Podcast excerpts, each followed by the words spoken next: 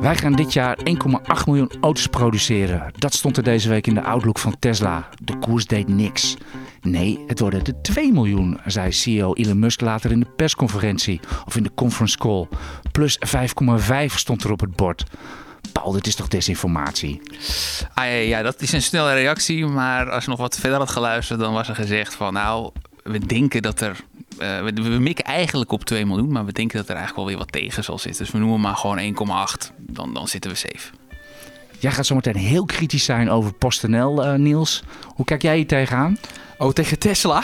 Ja, nou dit cijfer of ja, de, nou, deze vooral. Ik vind het vooral wel opvallend, want je, je communiceert toch wat anders. Ik vind dat eigenlijk niet echt veel van professionaliteit eh, eh, getuigen. Dus dan moet je dat ook maar gewoon melden in, de, in het persbericht zelf. Dat is duidelijke taal. Ik hoop op meer duidelijke taal in deze EX Beleggerspodcast. Bomvol zoals iedere week. Aangeschoven is Paul Weteling. Hij is de tech-analyst van EX.nl. Niels Koerts. Hij zit iedere week natuurlijk. Vaste prik, aandelenanalist van EX.nl. Mijn naam is Aartje Kamp. Ik ben marktcommentator van dezelfde site. De EIK staat ongeveer 0,3. Het is vrijdag 27 januari. En we gaan het allemaal wel niet over hebben. Deze week had ASML natuurlijk cijfers. Daar kijken we naar. Eh, Microsoft en in het verlengde daarvan ook een beetje Alphabet en ChatGPT. Tesla, we noemden het al even. Jullie willen het per se hebben over ARK ETF van Katie Wood. Waarom is mij onduidelijk. Niels wil het per se hebben over Architect. Ja, zeker. En dat heeft een reden. Dat heeft er, we gaan het zo meteen horen. PostNL, jij wou het ook per se over Safina hebben. Je hebt het met eh, veel pijn en moeite doorgedrukt, want de agenda is o zo vol in deze podcast. Uiteraard hebben we beleggingsvragen. We doen kiek op de grafiek. Tostram schuift aan. En ik denk dat we maar heel snel moeten gaan beginnen. eh, geen tijd te verliezen. Nieuws? Nee, jij bent de gast vandaag, Paul. Ik geef jou als eerste het woord. Jouw nieuws deze week van de brede markt. Nou, eigenlijk ehm waren de. Ja, goed, ik heb natuurlijk vooral naar ASML en naar Tesla gekeken. Omdat dat toch wel de, twee meest toonaangevende bedrijven die deze week met cijfers kwamen eh, zijn. En dat was, eh, wat betreft de cijfers, erg in lijn eh, met de verwachting. Dus ehm, ja, een keer een tikkeltje saai, eh, misschien zelfs. Geen, eh, geen vet of ECB-talk van jou of, of iets. eh, Nou ja, dat, dat laat ik even aan Niels over. Niels? Mijn nieuws van, het, van de week. Nou ja, er was natuurlijk maar ja, één aandeel waar ik van deze week naar keek. Of vandaag naar keek. Dat was natuurlijk het aandeel Ajax. Plus 5% vandaag. Na de in. prachtige wedstrijd tegen Volendam. Ik snap de positieve koersreactie van 5% wel. Want hè, ze, hebben toch mooi een puntje gehaald tegen Volendam. Altijd lastig thuis. En in de degradatiestrijd houden ze de Volendammers toch ruim achter zich. Dus eh, even alleen maar goed nieuws. Wil jij een full disclosure afgeven waar jouw hart ligt? Eh, eh, ja, mijn club begint ook met een A. Dus eh, Van A tot Z, zullen we, zullen we maar zeggen. Even serieus, er was vandaag ook nog nieuws over Philips. Maandag hebben die cijfers. ja. Er komt een, er komt een ontslagronde aan, reorganisatie. Ik heb even niet gekeken wat de, wat de koers nu doet. Ik zag die vanochtend voorzichtig negatief staan. Niels, even, wat- jou, even jouw blik hierop. Jij bent ook de aandelenanalist van nou, eh, kijk, Philips. eh, één, het komt niet als een verrassing. Eh, twee is natuurlijk ook, het is ook gewoon geen signaal dat het, dat het goed gaat. Die mensen moeten er niet voor niets uit. Ja, ik hou natuurlijk wel mijn hart vast bij de, de jaarcijfers. Dus ik ga daar eh, maandagochtend eh, ja, om 7 uur ga ik er echt voor zitten. Dus eh, ik wacht het rustig af. Denk jij, dat hebben we al eerder gezegd, denk jij dat het dividend er ook aangaat? Want in Nederland anno Nou. nu ontslagen aankondigen en dividend betalen. Nou, kijk, ik vind dat, zou dat heel raar vinden in de situatie waarin Philips zit als ze doorgaan met het dividend. Dus ik heb dat natuurlijk drie maanden geleden ook gezegd van nou, ik verwacht dat het dividend eraan gaat. Zeker weet je het niet, maar het zou heel raar zijn als ze nu een dividenduitkering gaan doen. Want ze moeten echt al het geld dat ze hebben binnenboord houden. Dat is eh, ook een meer dan duidelijke taal. Ik vond van de week de voorlopende indicatoren die, die verschenen, met name uit Duitsland, eh, vond ik zelf heel erg goed. Het gaat wat beter met de economie dan we gedacht hadden. Het viel allemaal wel mee en misschien dat daarom ook de beurs zo goed ligt. Ehm, zullen we meteen naar Koen gaan, jongens? Wat vinden jullie? Ik vind dat hij het wel verdiend heeft. Jazeker, want ja, er is, we hebben toch een beetje verdrietig nieuws eigenlijk. Want ja, Koen, eh, onze regisseur, hij gaat ons eh, verlaten. En eh, ja, omdat hij een, eh, nieuwe uitdaging heeft gevonden, hij gaat naar, ja, dat kan je natuurlijk zelf ook zo toelichten, Autovisie, daar ligt echt jouw hart. Maar ja, ik ga je, ga je enorm missen, want je hebt een enorme bijdrage onder andere ook geleverd aan, aan deze podcast. Ik weet nog toen wij nou, ruim 2,5 jaar geleden begonnen, deden we het nog van een mobiele telefoon. Nou, voor de luisteraars die eh, toen er nog niet bij waren, ik zou eens onze allereerste podcast van, ik dacht oktober of november 2020 uh, terugluisteren. Nou, dan zie je hoe belangrijk het is dat je iemand achter de knoppen hebt zitten, dus die het geluid regelt. Ook als het gaat om het rubriekje de luistervraag heb je echt veel aan bijgedragen, Koen. En Um, ja, en ook ik weet nog wel dat wij toen wij begonnen, we hadden nul muziekjes, we hadden helemaal niets. Het was gewoon alleen maar over de beurs praten. En ja, je hebt er echt gewoon uh, voor gezorgd dat dit een echte, echte beleggerspodcast is geworden. En uh, daarvoor wil ik je heel erg bedanken. Wat een ja. mooie woorden, Niels. En dat mag, ik er, mag ik er nog even, even streng zijn? Oh, jee. Ik ben natuurlijk hier de beursopa. En uh, Koen, wat heb je allemaal geleerd bij ons?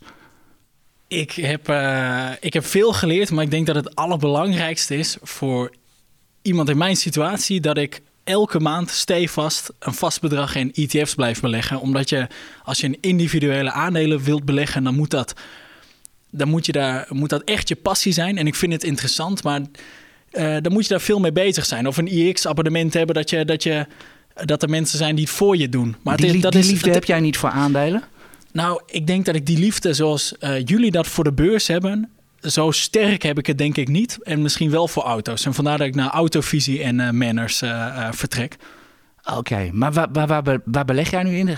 Ik beleg elke maand in de iShares All World, MSCI All World ETF's. Schaamteloze de... reclame. We zullen BlackRockers vragen. Oh, zullen we bijdragen in deze in, podcast? In een niet nader te noemen wereldtrekker.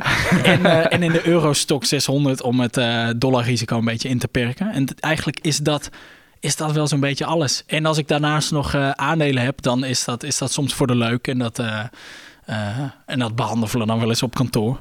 Ja, maar verder, verder nee, ja, maar het grootste deel zit gewoon nee, in ETF's. Maar dat, dat, doe, is, dat is een belangrijke dat, les die ik hier geleerd heb. Dat doe je natuurlijk ook heel goed. Want als jij natuurlijk fulltime aan het werk bent... het is ook lastig om het allemaal in de gaten te houden. En uh, dan is met ETF, zeker als jij ook weet dat jij een beginnende belegger bent, Koen... is het helemaal niets verkeerd om daar gewoon mee te beginnen. Nee, inderdaad. En wat ik zeg, het, uh, ik mis wel de adrenaline een beetje. Dat, dat heb je met individuele aandelen meer. Absoluut. Zeker de aandelen die, die Paul vaak, waar Paul vaak over schrijft. Maar dan, uh, ja, dan, dan moet je dus inderdaad wel veel op bijvoorbeeld IX zitten om, uh, om goed op de hoogte te blijven. Want anders, anders uh, zit daar wel een risico aan. Een groter risico dan bij ETF. Ja, ik vind het ook heel leuk dat je zegt van dat je zowel in de wereldindex als in de Euro, Eurostox 6... Eurostox is het, hè? niet de Stocks Europe. Hè? Nee, nee, nee, de Eurostox 600. Ja, dus, ja, want je hebt de twee, de Eurostox en de Stocks Europe. En de Stocks Europe is heel Europa. Dus heb je ook ja. het VK in Zwitserland erbij. Even voor de meeschrijvers. Ja, dat zijn wel details hoor. Ja, maar goed, in ieder geval, je hebt het, je hebt het mooi gespreid. Wat ik nog even aan toe wil voegen, want we hebben hier ook een, een lezersvraag over. Nou, misschien mag ik ook nog eventjes uh, iets zeggen over het vertrek van Koen. Sorry. Want, want uh, ja, ik heb ook wel erg veel plezier gehad uh, in het opnemen met de podcast met Koen. Ook wel wat geleerd van audio van hem. En uh, gewoon echt een leuke kerel om de podcast mee op te nemen. Wat uh, aardige woorden, dankjewel Paul. Oké, okay, nou dan gaan we nu heel gauw verder. Ik geef eigenlijk gewoon maar weer het, maar meteen het woord aan jou, uh, aan jou Paul. Want we gaan het over ASML hebben. ASML, China, EUV, brand los, want er is veel te vertellen. Ja, nou ja, goed. Uh, inderdaad, er zijn tijdens de, in, in, in de toelichting op de vierde kwartaalcijfers zijn daar ook wat woorden over gevallen. En uh, ook uh, in, het, in de interview van de, van de CEO. En daar werd eigenlijk gezegd van nou, ja, er zit toch wel iets van verbetering in. Hè. Er, wordt, er wordt in ieder geval, de, het commentaar vond hij positief. In ieder geval wat, wat Mark Rutte, in, onze minister-president in de VS achterliet, vond hij licht positief. Maar uh, ja, de kogel is nog niet door de kerk van waar dit nou uh, op lange termijn heen gaat. Vooralsnog is het deep UV mag wel naar China en EUV niet. En uh, dat, dat is, dat is de, status op dit moment. Ja, kun je, kun een beetje aangeven voor ook, eigenlijk ook wel een leek als ik, om welke machines gaat, hoeveel type machines heeft ASML nu eigenlijk? We weten natuurlijk allemaal die EUV-machines, dat is stoppen voor de bil. Wat zit daar nog allemaal onder, wat nog wel naar China kan en wat eventueel op de tocht staat? Weet jij dat? Uh, nou, wat daar wat daaronder zit, kijk, het gaat natuurlijk per uh, nanometer. Dus hoe fijn, hoe fijn het patroon is wat geschreven wordt op zo'n siliciumschijf. En uh, hoe fijner een machine dat kan doen, hoe sneller en geavanceerder de chip die daarmee gemaakt kan worden is. En ja, die, hoe, hoe geavanceerder die machine dus is, ja, hoe meer dat op de tocht staat. Alleen, net wat ik net zeg, vooralsnog wordt de scheidingslijn getrokken tussen deep UV en EUV. Dus dat is, heeft te maken met de golflengte van het licht.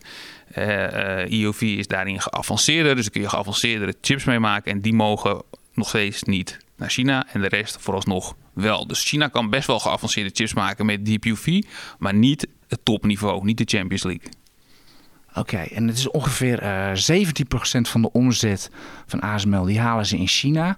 Hoeveel procent staat daar nu ongeveer op de tocht? Of zou er nog op de tocht kunnen komen te staan? Heb jij daar enig, heb jij daar enig zicht op? Nou ja, eh, dan, dan moet je dus gaan speculeren wat de politiek dan nu eh, gaat, eh, ja, welke beslissingen gaan nemen op het gebied van welke machines er dan misschien de volgende niet daarheen mogen. Ja, ik, Dat is bijna niet te doen. Maar dat het is gaat- echt niet te doen. Maar gewoon. het is niet Nee. zo dat de hele omzet in China weggaat. Dat nee, is nee, nee, helemaal niet. Helemaal niet. Er zitten ook gewoon machines bij die, die eh, dat noem je, hebt- je hebt, Ja, waar je kookwekkers mee maakt, chips zeg nou maar. ja, bij- ja, waar je, je hebt bijvoorbeeld nat en, en, en droge deep UV. Ja, Dat klinkt heel gek, Oh. maar er zit wat water in die meer geavanceerde machine. zit een heel klein beetje water, waardoor, waardoor het wat, nog wat scherper kan. En eh, dat, zouden dan, dat zijn dan de meest geavanceerde. Maar daaronder zitten ook gewoon een heleboel, inderdaad veel minder geavanceerde machines. Die ook heel erg nodig zijn. Hè, om allerlei chips te maken voor bijvoorbeeld deze microfoon. En ja, die mogen natuurlijk gewoon allemaal eh, door. Dus, eh, dat Dus is voor, voor ja. lange termijn maak je daar op zich, al- als, als het gaat om een belegging in ASML, niet zo heel veel zorgen. inderdaad. Oké, dat is duidelijk. Nog even over die cijfers zelf. Die waren min of meer in de prik. 2022 is niet om over naar huis te schrijven. 2023 wordt beter. Eh, ik viel zelf, ik zit zelf echt buy and hold in, in ASML. Ik vond het dividendvoorstel heel erg tegenvallen. Plus 5,5 procent. Hoe kijk jij daar tegenaan? Ja, viel me ook tegen.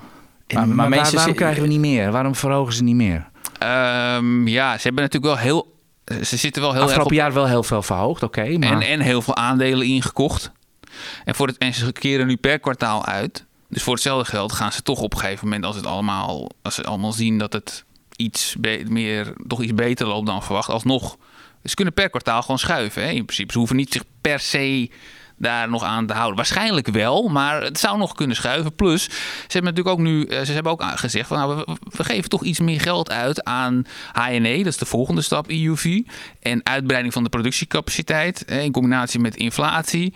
Ja, het hoster eh, en dan ook nog 12 miljard aandelen inkopen. Ja, het host er wel uit op een gegeven moment.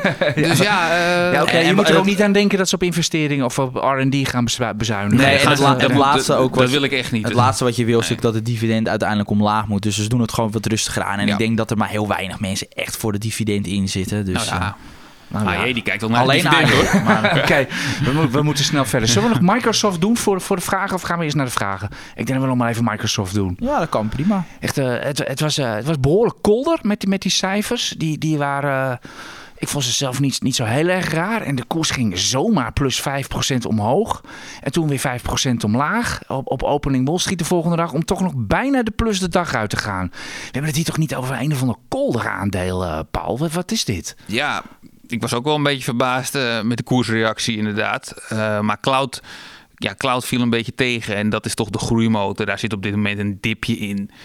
Misschien Ja, ja, kijk, dat we in- het daar in- moeten zoeken. Kijk, in principe Eh, was, waren die, die tweede kwartaalcijfers eh, die, eh, van het gebroken boekjaar, die, die, die waren op zich gewoon solide. Er was weinig mis mee. Alleen die outlook was gewoon wat minder dan verwacht. En met name als het gaat om die, om die cloud activiteiten, dat Azure, Microsoft Azure.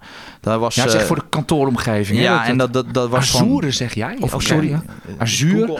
Azure, maar ja, goed. Mag, mag ook Azure zeggen hoor. Ja. Wij verhaspelen altijd alle namen. Dus eh, Nee, maar eh, dus, dus, dus dat loopt 4 à 5 procentpunt eh, terug in het eh, lopende kwartaal. En dat was wel een tegenvaller. Maar ja, weet je, dat, zijn, dat is vooral dingen voor de korte termijn. Want dat heeft ook weer te maken natuurlijk met de conjunctuur. En als we kijken naar die lange ja, termijn. dan ga ik het tromgeroffel ja, laten die horen. investering Ja. in dat ChatGPT of OpenAI, hè, waar dat ChatGPT onder valt, ja, van 10 miljard die investering, ja, dat is nou een perfecte lange termijn eh, investering wat mij betreft. Want dat is echt een, ja, een perfecte fit tussen, tussen beide bedrijven. Bijvoorbeeld omdat ja, Microsoft daarmee het, het exclusieve recht heeft eh, gekregen om die software te mogen gebruiken. Dus bijvoorbeeld kan het daardoor eh, die software integreren in die Office pakketten. Dus denk bijvoorbeeld aan eh, het maken van een eh, PowerPoint presentatie. Dat gaat met die technologie wel even een stukje makkelijker worden. Ja, je, je, je tikt gewoon in, maak even wat leuks en er rolt wat uit. Nou, dat, ik weet niet hoe, of hoe makkelijk dat gaat, maar het, het, wordt, het zal een stuk eenvoudiger worden. En daardoor kun jij als, ik bedoel, ik, een mooi voorbeeld, als ik bijvoorbeeld voor de, voor de beleggersdag of eh, soms geef ik wel bepaalde presentaties, ja, dan maak ik ook een PowerPoint-presentatie. Maar dat kost best wel veel tijd. En ja, als je daardoor tijd kan besparen door die technologie, dan hou ik tijd voor bijvoorbeeld een extra aandelenanalyse bijvoorbeeld over. Dus dat, dat gaat enorm veel waarde creëren. Dus dan kan een Microsoft ook weer meer vragen voor die Office-pakketten. Nou, ik durf wel te zeggen dat het eh, heel veel makkelijker gaat worden om een presentatie te maken. Ja, en het is voor mij ja. nog wel lastig om daar echt een heel eh, duidelijk voorbeeld eh, in Ja, mijn hoofd wat- iets wat over ik te wel het is niet moeilijk om daar een voorbeeld voor te geven. Als je gewoon intypt en eh, je, je typt gewoon in, maak dit en dit, dan maakt hij het gewoon. Ja. Punt. Ja, dat is, Dus- wel, dat is wel handig. ja, op school hebben ze er al last En van. het is eh. nog goed ook. Ja. Ik heb trouwens nog helemaal niemand gehoord over het mogelijke verdienmodel van ChatGPT. Maar goed, eh, dat is een heel ander verhaal. Nou ja, goed, wat Niels net zegt. Ja. eh, gewoon waarde toevoegen aan allerlei bestaande Ja, producten. oké, Doordat maar hoe ze zelf dan geld willen gaan verdienen. Nou, dat, dat- ja, maar als, als een Microsoft Nou ja, dat dat mag zal- gebruiken, dan ja. kunnen ze Ja. gewoon geld voor krijgen. Precies. Satya Nadella, de CEO van Microsoft, weet vast wel wat moois Ja, te maar Maar het je mooie van- niet 10 miljard uit je zak omdat je denkt dat het geen Nee, waarde gaat en het mooie van Microsoft is dat ze dus al in 2019 erin zaten. En dat geeft natuurlijk ook wel ook dat, dat, die, dat dat bedrijf echt vooruit kijkt. Weet je, toen was het ChatGPT was veel kleiner. Daar had eigenlijk nog niemand van gehoord. En toen zaten zij er al bij. Dus je hebt bij veel grote bedrijven vaak dat ze een beetje achterover gaan leunen. Dat bijvoorbeeld Intel die dat, hè, die dat heeft gehad. Maar Microsoft doet het niet. En dat zie je gewoon dat het zich uitbetaalt. Dus op, op dat punt ben ik zeer enthousiast daarover. Ja, ze hebben natuurlijk ook een netwerk, hè? Ja, CEO Satya Nadella is echt, eh, is echt een geniale manager, vind, vind ik zelf. Maar goed, via, we moeten toch ook nog even snel een blik werpen op een eh, one-trick pony... die dan in California hoofd, eh, hoofdzetel heeft. En dat bedoel ik natuurlijk Alphabet... waar natuurlijk alle stormballen gehezen zijn op dit moment. Is dit echt een bedreiging voor, voor, voor Google? Of ze zijn daar natuurlijk ook niet uit hun eigen kropen. Ze zijn er ook met AI bezig. Hebben jullie daar zicht op? Paul dan vooral? Ja en nee. Kijk, voor een, gewoon voor een snelle zoekterm. ehm, ja, eh, is Google nog steeds de snelste en waarschijnlijk ook de beste. En dat zullen ze waarschijnlijk ook nog heel lang blijven. Alleen ja, er wordt wel geknaagd natuurlijk door, door, door die nieuwe technologie. Wordt er wel geknaagd aan de volgende stap. Dus iets uit die zoekresultaten halen. Daar wordt uit aan geknaagd. Dus hoe dat dan... Ja, maar Pa- Paul, Ja. inderdaad, kijk, twee jaar geleden dacht iedereen nou dat, dat als het gaat om dat zoeken, dat is Microsoft is, of eh, Google is nummer één, onaantastbaar. Maar dat is nu toch wel, eh, ja, dat lijkt nu toch wel anders te worden. Als daar partijen bij komen, dan gaat dat echt de resultaten van, van, van Google echt raken.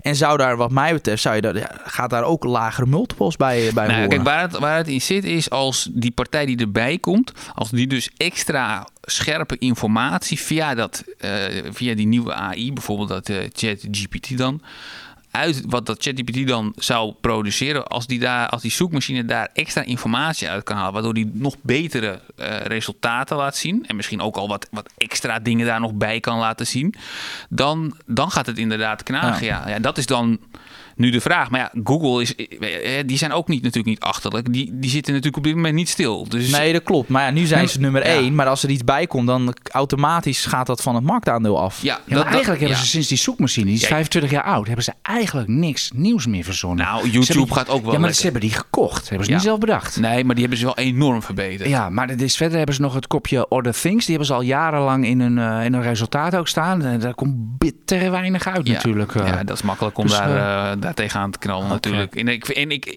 ik ben het daar eigenlijk ook wel met je mee eens. Ben je mee eens? Hey, Dus ja.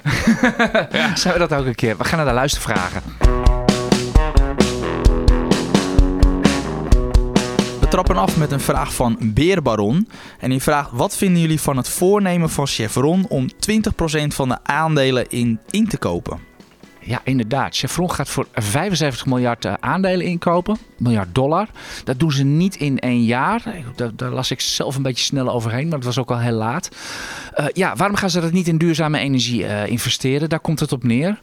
Ehm, als ik het ondiplomatiek mag zeggen, uh, Chevron, dat zijn van die ouderwetse hardcore uh, Texaanse olieboeren.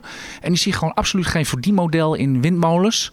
Die zien bijvoorbeeld ook General Electric Energy. Die moeten 2 miljard afschrijven omdat windmolens omvallen, uit elkaar vallen. Die, die dingen die deugen gewoon niet. Het zijn gewoon geen goede constructies. Daar denken we niet bij na als we die dingen, dingen gaan plaatsen. Of ze ook echt topkwaliteit zijn. En ze geven het geld dus gewoon terug aan de aandeelhouders. Omdat ze geen investeringsmogelijkheden zien. En ze verdienen zich helemaal blauw aan olie en gas momenteel. Waar wij in Europa natuurlijk dik voor betalen. Zij exporteren dat. En één keer raden Niels wie dat geld aan het opstrijken is bij Chevron. De aandeelhouders. Ja, en wie is daar de grootste? Ja, dat weet Buffett. Ik. Oh, Warren Buffett. Ja, dat wist ik niet. Dus we staan eigenlijk onze gasrekening aan Warren Buffett af te nee, tikken. Maar, nee, maar gewoon heel goed. Kijk, het is, ja, Chevron het is geen liefdadigheidsinstelling. Je kijkt gewoon puur van waar kan ik de hoogste rendementen mee behalen. En als dat aandelen inkoopprogramma is, dan mag dat gewoon. Nou, nu heb ik ook een vraag voor jou, eh, Paul, van Brian van der Meer. Ja, hoe nu verder met Intel? Want ik had het snel al eventjes gezegd van... Dat, is niet, dat was niet goed waar ze gisteravond mee kwamen. Nee, maar ja, dat, dat lag... Kijk, we zitten eh, in een dipje met, met chips. En de zwakste worden dan gewoon het hardst gedipt. Ja. Dus dat is heel simpel. Dus het was, dit, was, dit stond wel een beetje in de sterk 7. Alleen je weet natuurlijk nooit of het min 2 of min 10 wordt. Nou, het werd dan nu min 10. Maar Intel is een turnaround kandidaat. Die moeten zich echt ja. terugvechten in die markt. Ze worden wel enorm geholpen in Amerika door die Chips Act en door de regering. En, dit, en, en ook in Europa wordt de rode loper uitgerold. Maar ze zeggen zelf ook, het wordt heel moeilijk om uh, met chipfabrieken in, uh, in Amerika en zeker in Europa op te boksen tegen Azië. Dus ja, het wordt, het wordt een hele zware klus om terug te komen. Ja, nee, ik had zelf toen ook bij het linksbeleggsdebat, zei ik, had ik ook de chippers aangehaald. Toen zei ik, als er één kandidaat is dat mogelijk met een winstwaarschuwing kan komen, dan is dat Intel. Zeker als ik keek naar die verwachtingen van analisten, dat was echt uh, te hoog. Dus uh, ja, nou, het, is, dat gebeurt niet heel snel, maar ja, niet, uh, niet Ik heb niet hele veel. mooie grafiekjes vandaag in mijn timeline staan van Intel en TSMC. En dat vertelt het hele verhaal. Ik zou die, ik zou die zeker gaan kijken. Intel Oké. is echt al 20 jaar doodgeld. Dan, uh, dan sluiten we af met een vraag van Hans Braat. En hij zegt, ja, beste IX, ik heb een vraag voor jullie podcast. Ik ben een groot fan, maar heb wel een vraag. Deze week gaat het in jullie podcast vast over ASML, uh, zeker. En terecht, maar mijn vraag is waarom Infineon uh, niet wordt behandeld. En ja, wat ik dan gewoon even wil aangeven is dat ja, we moeten als beleggers des nou eenmaal keuzes maken. En we kijken nou eenmaal naar wat zijn er sowieso de populairste aandelen. En welke aandelen zien we het meeste in. En Infineon is misschien wel een mooi bedrijf. Alleen ja, er zijn zoveel chipbedrijven. Ja, er, komen er gewoon niet, niet aan toe. Dus, uh, dus dat is de reden. Dus ja, we hopen zoveel mogelijk mensen blij te maken met analyses. Ja, dan moet je soms harde keuzes maken. Ja, ik wil toch Sluit nog, ik me geheel bij aan. ja, ik wil toch nog één vraag invoegen, want ik heb het gewoon beloofd. Iemand heeft namelijk uh, in ChatGPT de vraag gedonderd: welke vraag moet ik in deze podcast gaan stellen? En dan rolt uit. Ik citeer: welke beleggingsstrategieën worden momenteel aanbevolen voor beginners en waarom?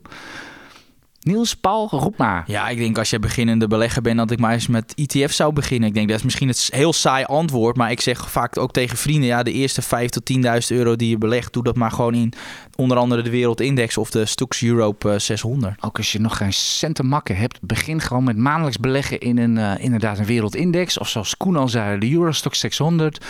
En dan kijk je de rest van je leven niet meer naar om. En uh, zie verder maar wat er nog voor leuke dingen dan te doen zijn op de beurs. Maar dan ben je in ieder geval verzekerd dat je goed belegt. Daar kun je, dat is een goed begin, maar ik zou dan niet stil blijven zitten en wel mijn huiswerk doen op overige aandelen en allerlei andere dingen. Tenzij je het echt alleen bij ETF's wil houden natuurlijk. Maar ik zou toch de handschoen oppakken en... Uh, in die, dan heb je het gevoel dat je toch wat doet. Je zit in die ETF, je zit sowieso daar op lange termijn goed, wat de AJ zegt. En dan kun je voor de rest kun je nog uh, je eigen huiswerk gaan doen om in de toekomst misschien ook wat individuele namen erbij te pakken. En dat is wel het leukste wat er is. Exact. Om zo'n naam te noemen bijvoorbeeld, ja, Tesla, daar komen we weer. Oh jee. jij volgt het. Ja. En uh, dat weet iedereen ook, want jij hanteert een, uh, ja, een, laten we zeggen, een koersel waar niet iedereen het mee eens is. Laat ik het zo maar stellen. Mm -hmm. Paul, serieus, die cijfers van Tesla, die waren eigenlijk zoals de koersreactie al een beetje zei, min of meer volgens verwachting. Ik zit ja. zelfs sinds kort ook uh, in Tesla. Ja, echt waar. Voor mij is het een beetje een fun aandeel. Ik heb er ook maar een, maar een paar. Je hebt al een wilde rit gemaakt. Ja, nee, ja, ja enorm. Ik heb zo'n mm -hmm. 167 gekocht. Ze gingen naar 100 en nu ben ik bijna weer op het droge. Mm -hmm. Ik ga daar waarschijnlijk een lunch mee verdienen. Nee, maar waar het mij om gaat is, en het is wel serieus, ik zie die cijfers van Tesla steeds stabieler worden. Ik zie het een echt bedrijf worden met kaststroom en alle toeters en bellen. Ik zie je al knikken. Vertel. Ja, precies dat. En daarom was die koersreactie ook saai. Nou ja, ja, Ja, totdat Musk natuurlijk ging blaren. Kijk, die koersreactie, kijk, die, die cijfers waren gewoon eh, op een paar details na. hè. Ik bedoel, ze hebben wat aftrekposten die ze dan niet hebben ingezet. En ze hadden een, eh, wisselkoers tegenwindje. Allemaal kleine dingetjes. Prijsverlagingen ook misschien. Prijsverlagingen komen pas dit kwartaal echt, denk ik, door in de cijfers. Dat we dat echt gaan zien. Maar ja, ze zeggen toch dat ze de marges op peil gaan houden. Dus eh, Is dat, is dat, ligt dat voor de hand dat als jij Nou ja, de kijk, prijzen zo dit verlaagt? is, dit is de vraag die je nu stelt. Dit is de vraag op dit moment voor de korte termijn. Hè. Voor de lange termijn Ja. is natuurlijk een, het- verhaal eh, wat AJ net zegt. En gewoon eh, die hele transitie gaande en hun positie daarin. Maar op korte termijn is het natuurlijk echt de vraag van hoe erg gaat dat erin hakken, zou ik maar zeggen. En ja, zij zeggen dat het mee gaat vallen. Ik ben misschien gisteren iets te hard met het kapmes in de taxatie gegaan. Want toen ik later die, eh, die, die, die conference call nog een keer afluisterde, toen dacht ik wel bij mezelf van nou, misschien, eh, misschien gaan ze toch fixen. Nee, en dan, dan zit ik gewoon te laag nu. Ja, maar aan de andere kant voor de lange termijn, op het moment dat... je- je- het, Voor dit het jaar, is het- ja, maar ook als je kijkt naar de lange... Het zegt wel iets dat een bedrijf als Tesla zijn prijzen moet verlagen. Ik bedoel, dat hadden we een jaar geleden niet gedacht, snap je? Nou, het, heeft, het heeft met twee dingen. Het heeft inderdaad te maken met de dip die we nu bij de consument zien. Maar het heeft er ook voor een heel groot deel mee te maken dat er dus subsidies zijn. Waarmee, waarvoor je naam alleen voor in aanmerking komt als je onder een bepaalde Ja, prijs zit. Ja, en als je dan dat natuurlijk volledig uit wil nutten en zo sterk mogelijk je wil opstellen ten opzichte van de concurrentie en zo hard mogelijk wil groeien, dan, dan moet je die subsidie meepakken, want die is zo groot. In Amerika is dat 7.500 dollar. Ja, ja, dat is fors. Op een auto van 50.000. Ja, ja, maar goed, je denkt niet dat dat ook dus te maken heeft. Dat heeft toch ook met de opkomende concurrentie te maken. Dat ze dat doen. Want als ze echt onaantastbaar waren, dan hadden ze wel gewoon die hoge prijs gevraagd. Want, Ik denk dat dat, ik denk dat het wel een rol speelt. want een aantal jaar geleden weet ik nog, nou, als je, als je een, Tesla bestelde, dan kreeg je hem pas over een jaar bijvoorbeeld. Maar je moet niet vergeten, ze hebben afgelopen jaar die prijzen ook als een gek oplopen voeren. Ja, en dat voeren ze nu weer terug. Dus het is eigenlijk een normalisering. Dat zagen we ook bij de voorraad. Iedereen was aan het blaren. Ja, die voorraad die gaat helemaal omhoog en dit en dat. Maar als je kijkt op jaarbasis, gewoon 16 dagen voorraad.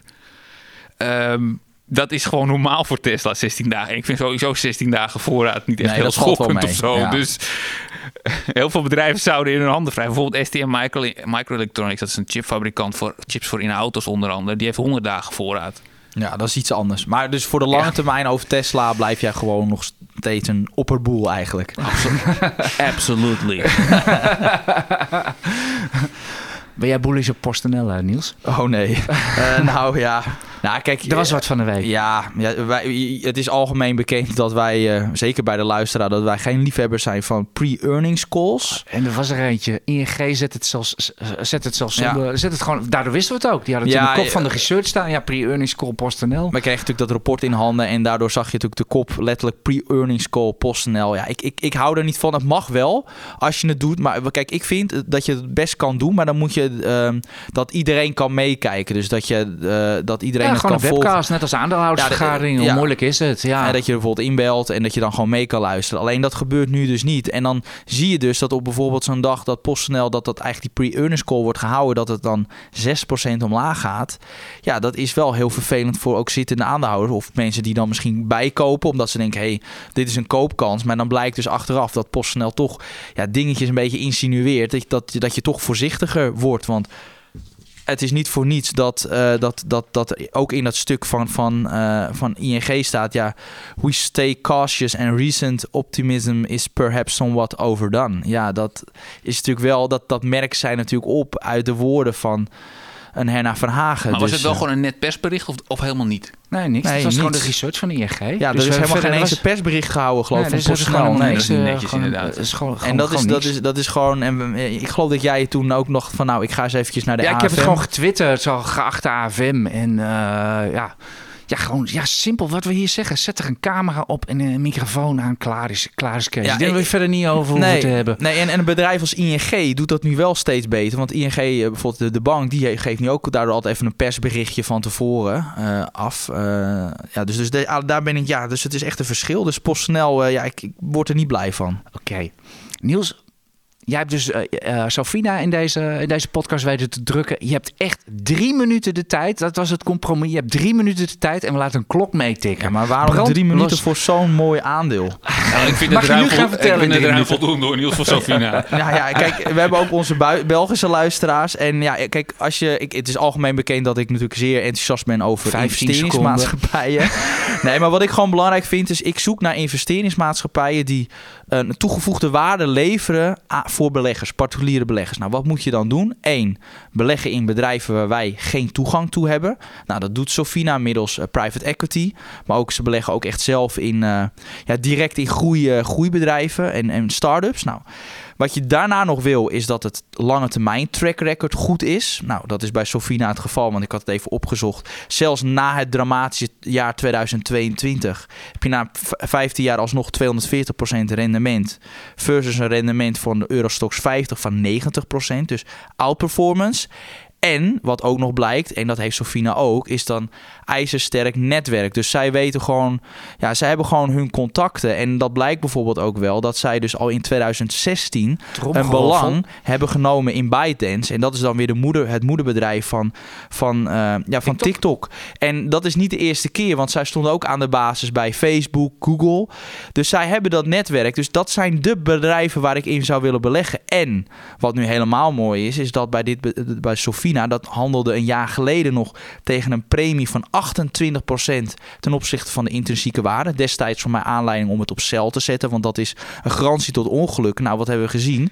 Nu is de koers heel hard gedaald. Niet alleen maar omdat ook die onderliggende participaties in waarde zijn gedaald. Nee, de koers is veel harder gedaald, waardoor het nu noteert tegen een discount van 20%. Dus een, een, investeringsmaatschappij met een dergelijk track record kan tegen een zo'n mooie korting noteren. Ja, dat is, daarom ben ik zelf recent ook uh, ingestapt. Dus ja, als, als er één fonds is waar ik enthousiast over ben voor de lange termijn is het Sofina. En dan hoop ik dat ik binnen de drie minuten zit. Ja, is het dik begin, ja. binnen... En, uh, nou, we mogen en ook zonder, zonder gehakkel, Ja, toch? ik, ben echt, ik ben echt onder de indruk. Dit is echt prachtig plug verhaal, laten we het zo maar noemen. We gaan nu ook gewoon de Brabantsonne, gewoon het Belgische volkslied gaan we gewoon invoegen.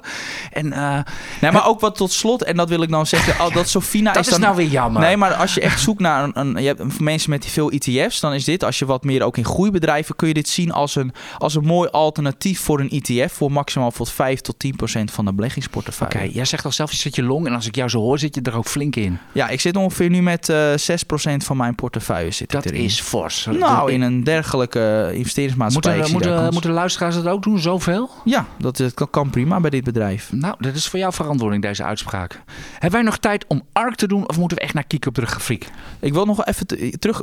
Ben jij niet enthousiast? Vind jij dat te veel risico? 6% vind ik best meevallen voor een bedrijf met dusdanig track record. Ja, dat, dat, is ook wel zo. Als je uitgaat van, van een portefeuille van 15 tot 20 aandelen, dan, uh, dan, dan kan nee, maar, dat wel Ja, en, en zij, hebben, zij hebben echt Sorry. honderden participaties. Maar dus, zeggen, uh, ze zijn intern natuurlijk ook gespreid. Dus ja, je koopt dus, iets wat alweer gespreid is. Nee, oké, bij deze ja. mea culpa van mij. Oké.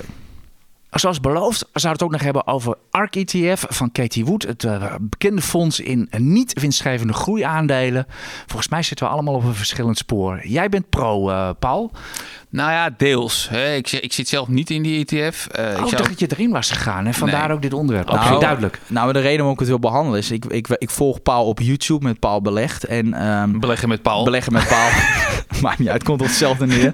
Maar, uh, Dankjewel. En wat mij opviel was dat best wel veel bedrijven die ARK in portefeuille heeft... Die heb, daar, die, daar zit jij ook groot in. Dus daarom vond ik dat wel interessant om dat even aan te halen. Maar groot, hè? We hadden het net over 6% Sofina.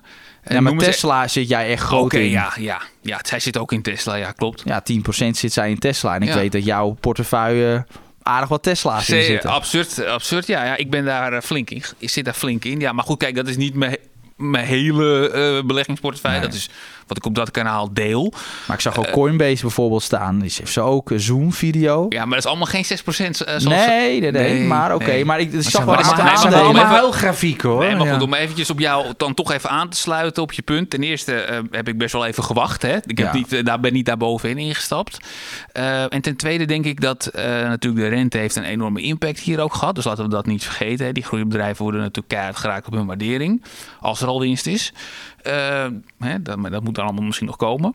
Maar ik denk wel dat er wel dit, decennium echt wel iets te gebeuren staat op innovatief gebied. Zeker nu iedereen zo'n supercomputer in zijn zak heeft. En dat, daar wel, dat er wel enorme verschuivingen gaan plaatsvinden op het gebied van betalen, eh, eh, AI en ga zo Mhm. maar door. Energie.